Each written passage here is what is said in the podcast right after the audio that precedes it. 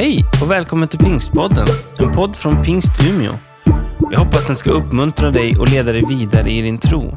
För att få mer information om Pingst Umeå och allt som händer i kyrkan, gå in på umia.pingst.se eller följ oss på Instagram och Facebook, at pingstumia.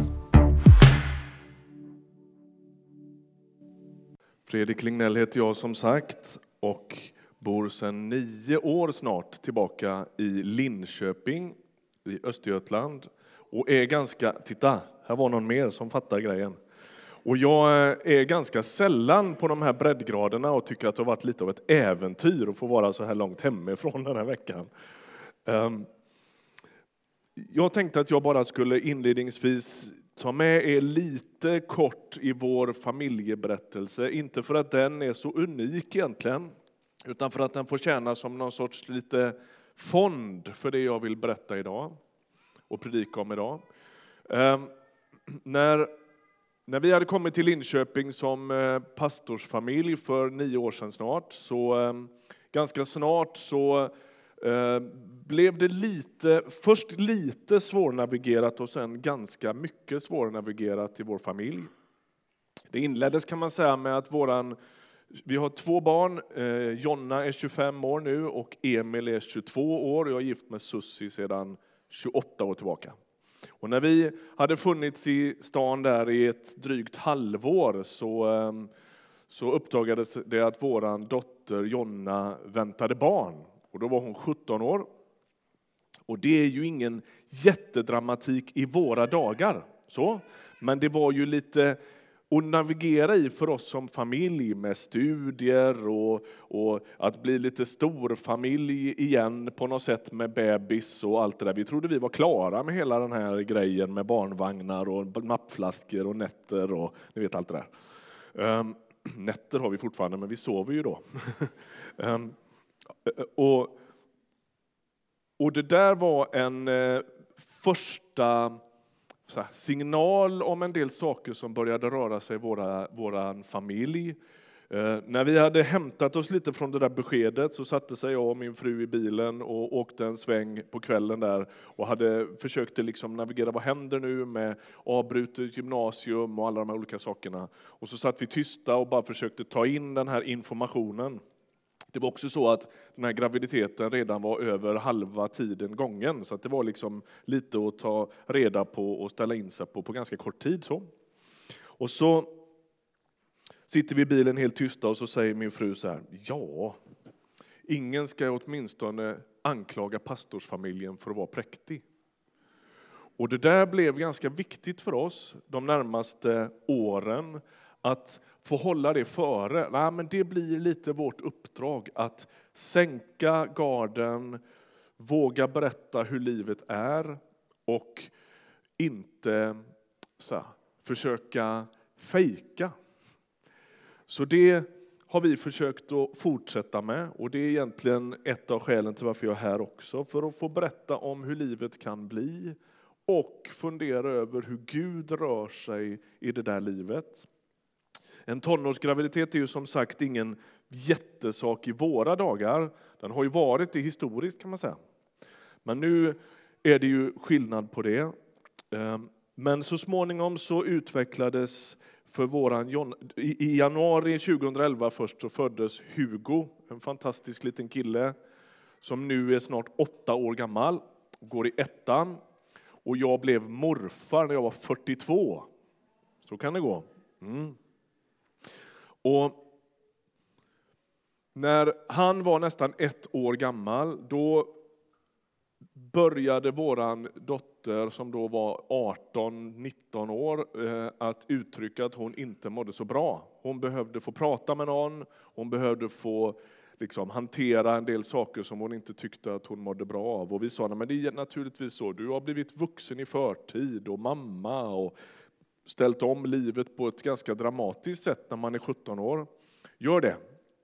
Och så börjar hon samtala med någon och det visar sig ganska snart att det där var värre än vad vi först förstod och kanske värre än hon själv förstod också.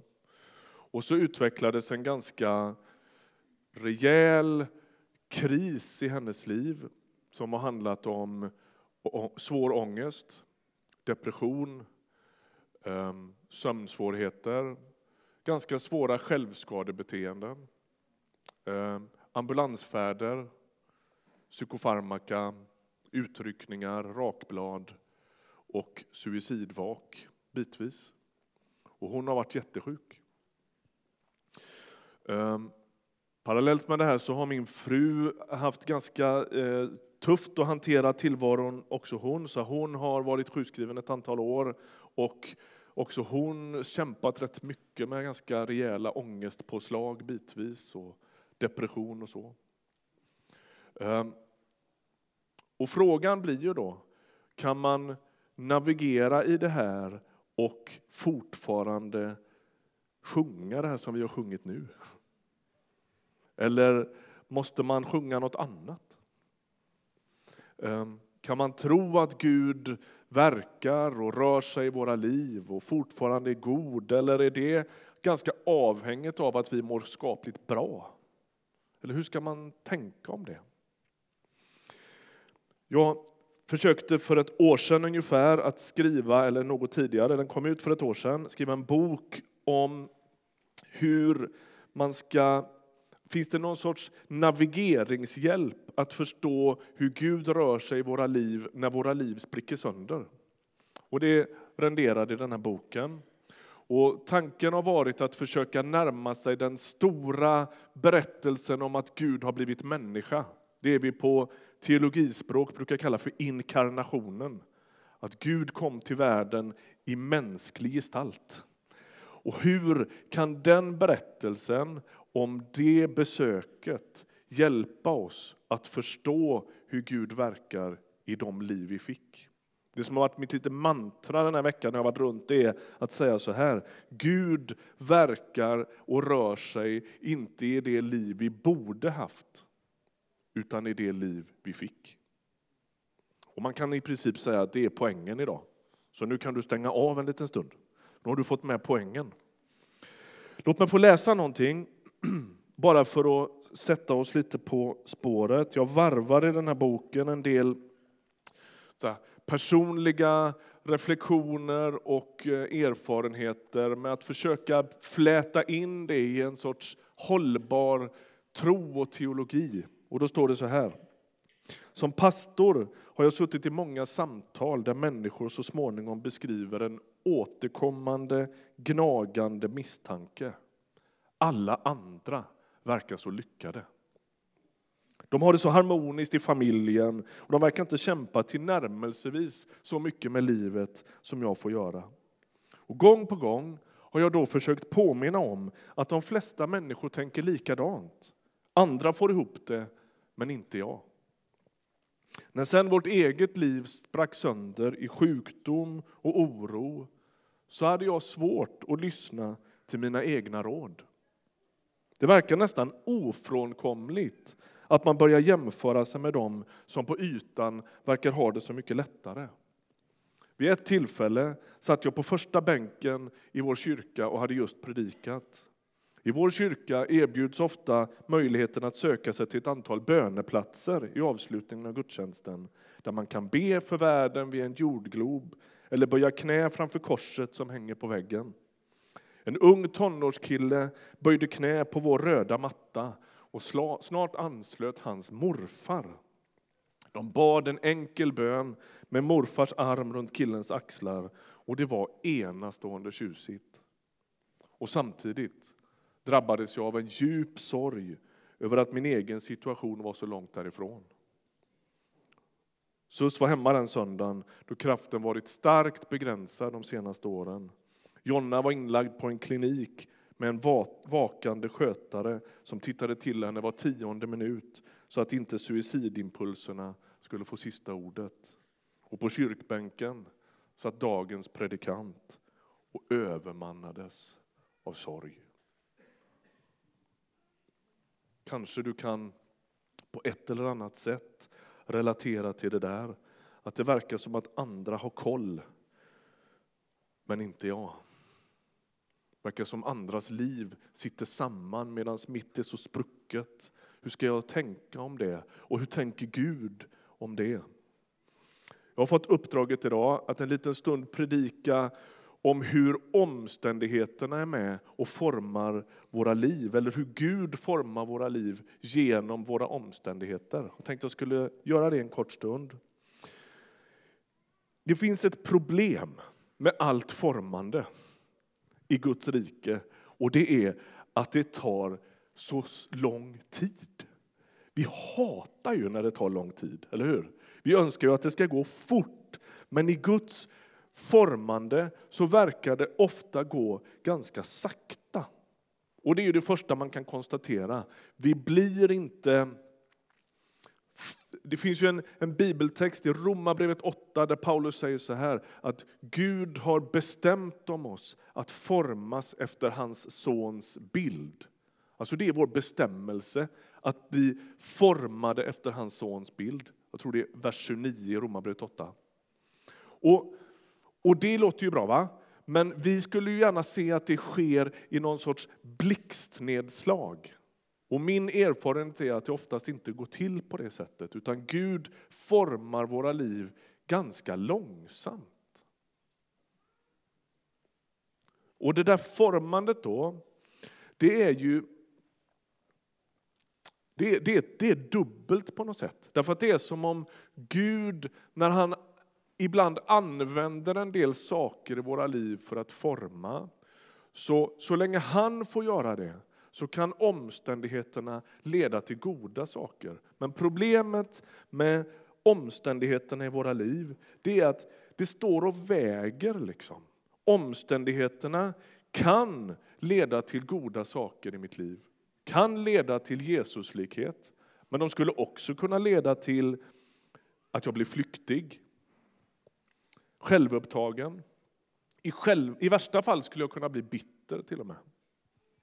Därför att jag någonstans tänker att jag förtjänade något bättre. Och så börjar man fastna i sig själv. Så det är inte någon automatik i att om jag är med om en del omständigheter i livet, till exempel sånt som är ganska tufft att hantera, att jag då kommer att formas till det bättre av det. Det skulle kunna bli tvärtom.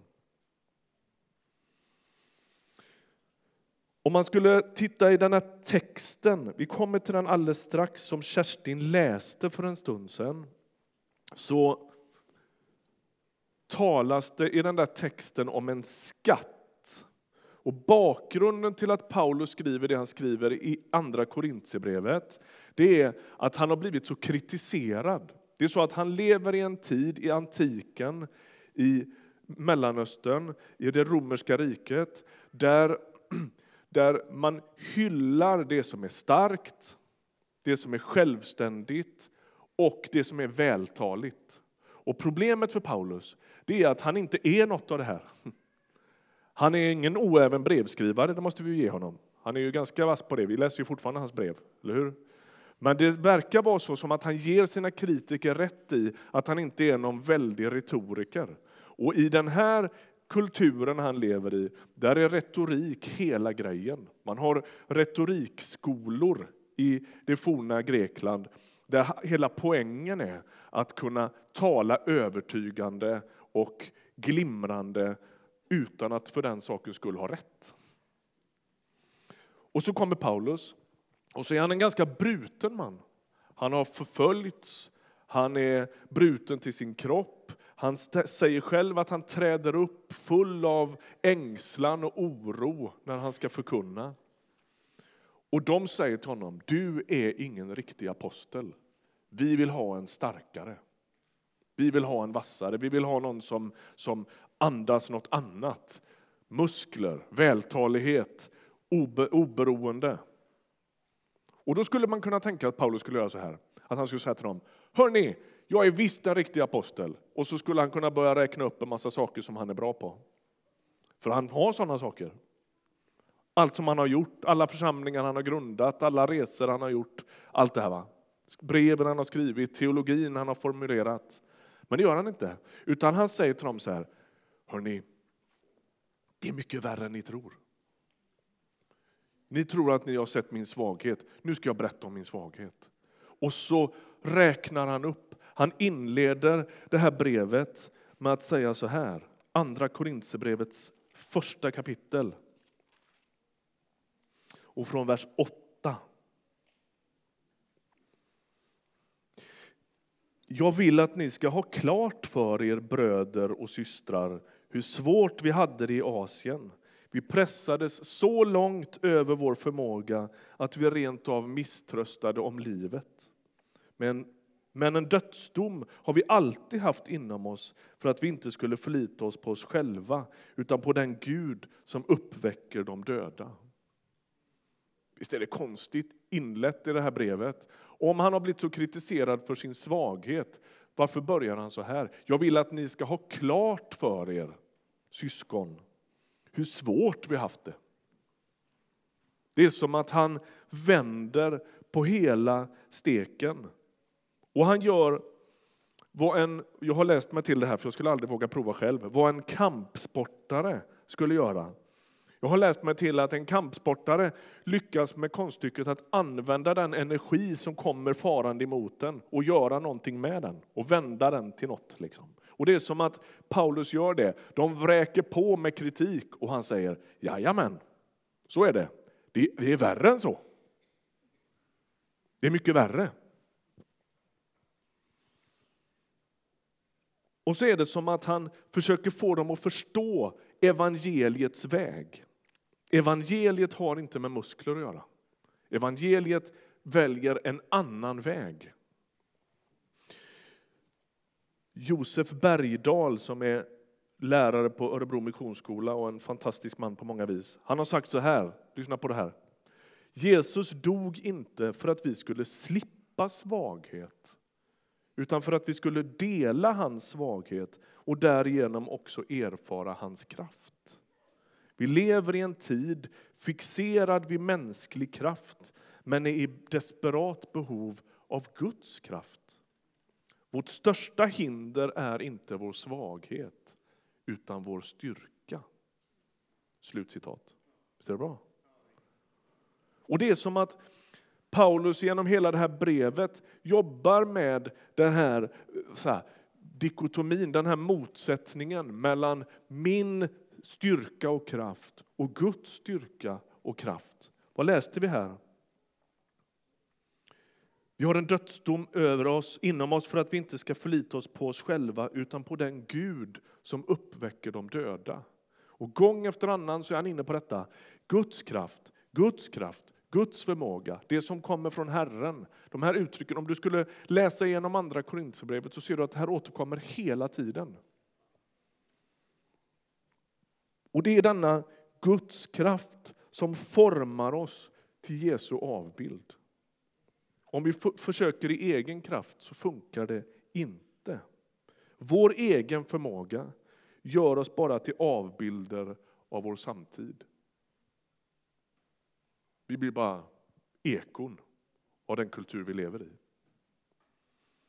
Ni vet alla självhjälpsråden, alla life coaching idéer om att du har miraklet inom dig och sträck dig mot stjärnorna och vet hur det låter. Liksom.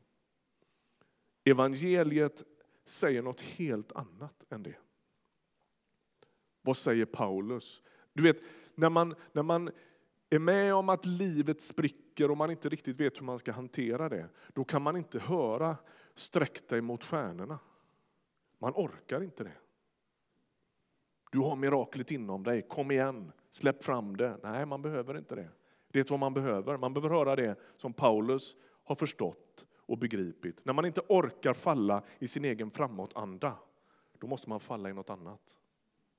Då säger Paulus så här, genom Guds nåd är jag vad jag är. Det är evangeliets väg. Han kommer till människan mitt i människans otillräcklighet, när människan når världs, vägs ände. Och så slösar han sin nåd och sin kraft på den människan. Det är enastående märkvärdigt. Då kommer vi till texten. Du som är orolig för det här kommer aldrig att ta slut. Jag kommer inte att hålla på länge med denna, utan jag skulle bara vilja sätta in det här i sitt sammanhang. Är du med nu på att hela andra Korintierbrevet handlar om frågan om kraft och svaghet. Var kommer kraften ifrån? Hur rör sig Guds kraft och Guds, Guds verklighet i människans liv? Ja, den rör sig inte i de muskulösa, oberoende, vältaliga, fantastiska, färdiga. Den rör sig alltid i det spruckna. Och Kerstin läste från, vers, från kapitel 4 jag är i andra Korintierbrevet och rör mig nu då. Ja, det är så snyggt. Så här står det. Vers 6. Ty Gud som sa ljus ska lysa ur mörkret.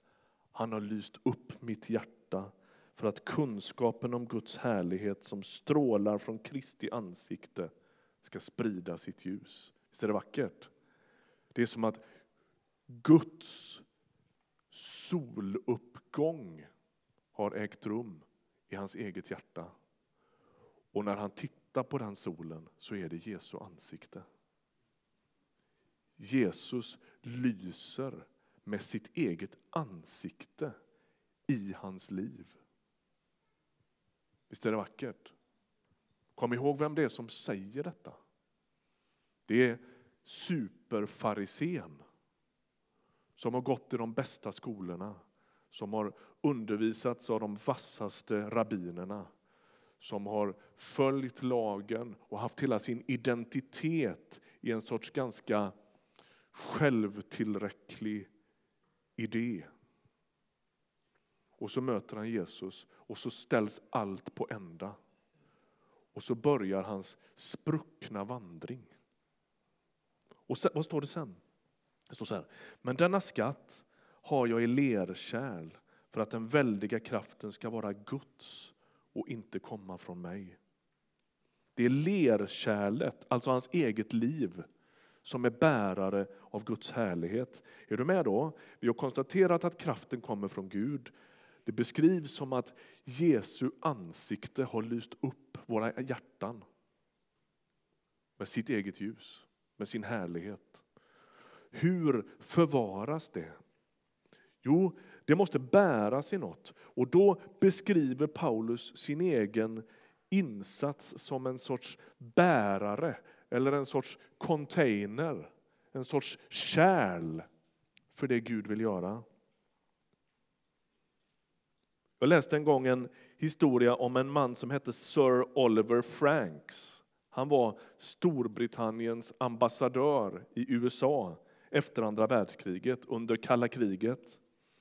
Ehm, han kommunicerade med USAs president och Englands premiärminister vardagsvis. Liksom. Det var hans arena att spela på.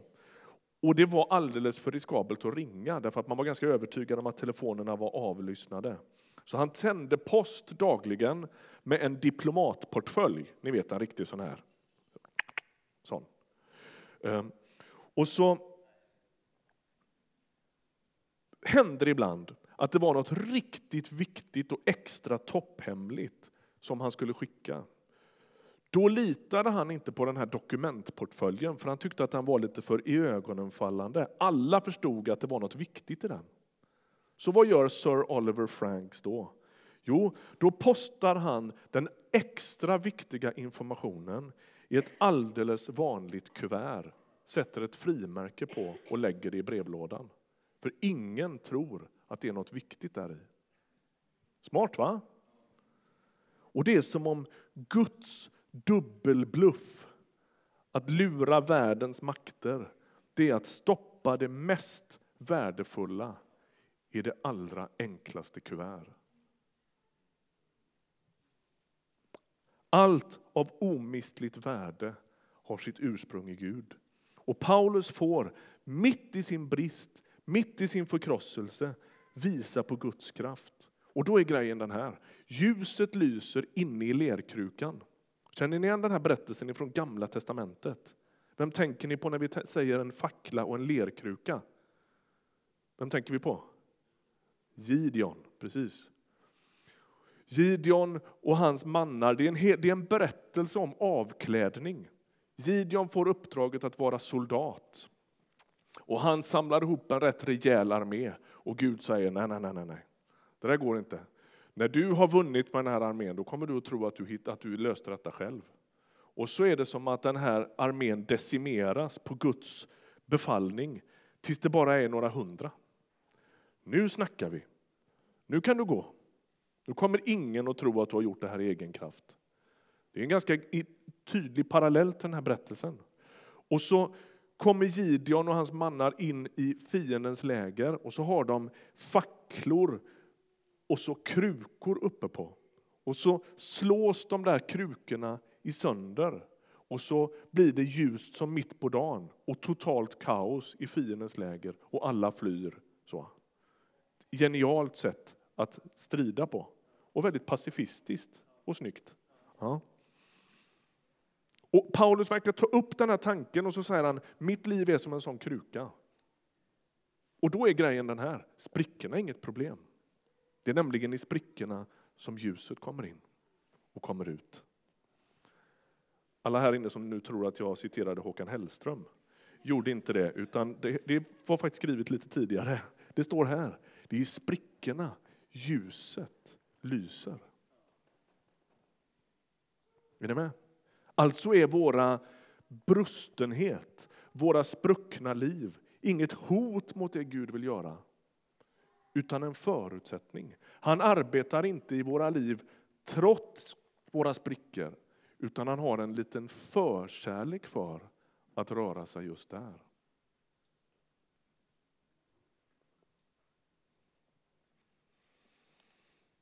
Det är som att det sker baklänges, det här formandet av Guds liv genom omständigheterna. Han formar oss inte att bli allt starkare och mindre beroende. Här är det som att vi landar allt djupare i beroendet av Guds nåd, av Guds kraft, av Guds hjälp.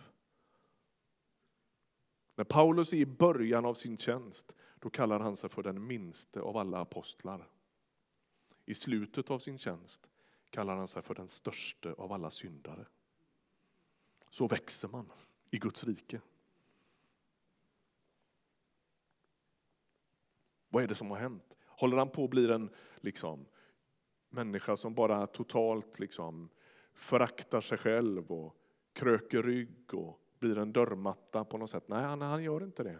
Han gör det här med stor inre resning. Han blir allt tryggare. Han blir allt mer hemma i sig själv, i sitt eget liv. Men han förstår allt djupare att han är den han är tack vare Guds nåd.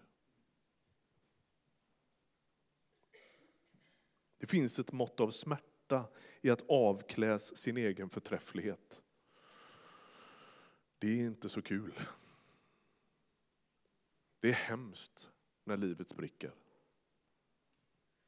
Man skulle helst slippa. Är ni med? Vi står inte och romantiserar smärtan. Men i det avklädandet så är det som att det också finns en smak av befrielse. Det är paradoxen. Låt mig få avsluta med att läsa en text, en enda vers i Gamla testamentet, i Höga visan, som jag tycker så mycket om. Den här versen den innehåller massor med visdom. Så här står det i Höga visan 8 och 5. Vem är hon som kommer ur öknen lutad mot sin vän?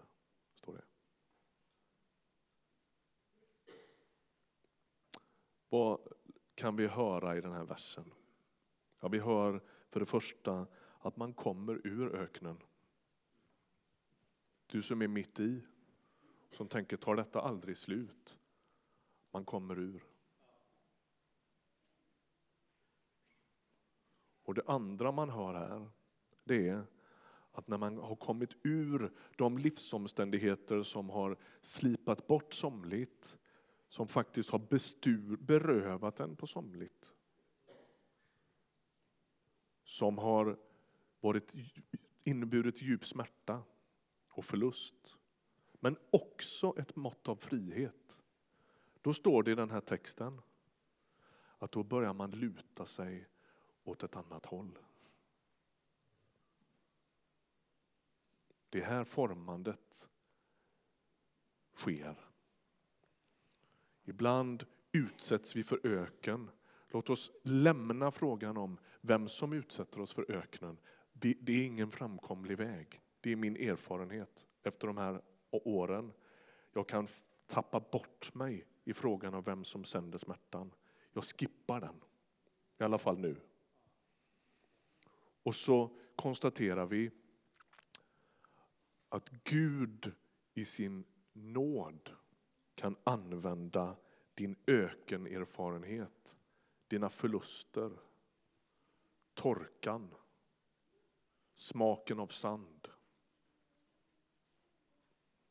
och, och hjälpa dig att luta dig lite tyngre mot Jesus.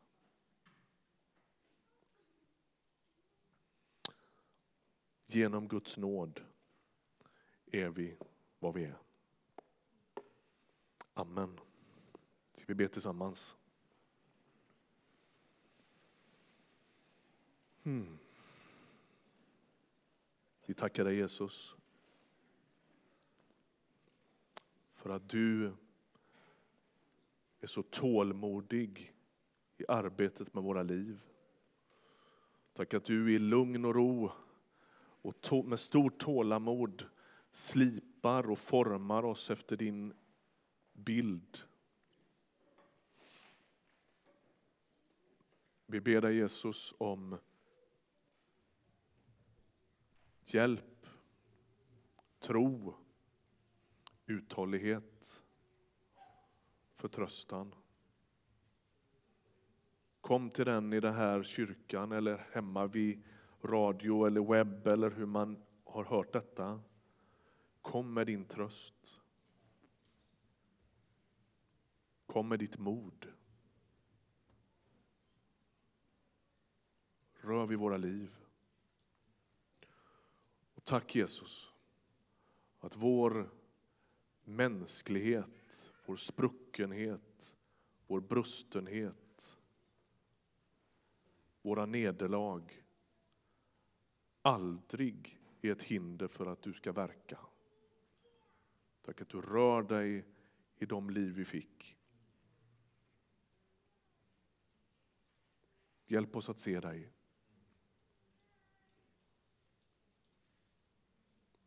Amen.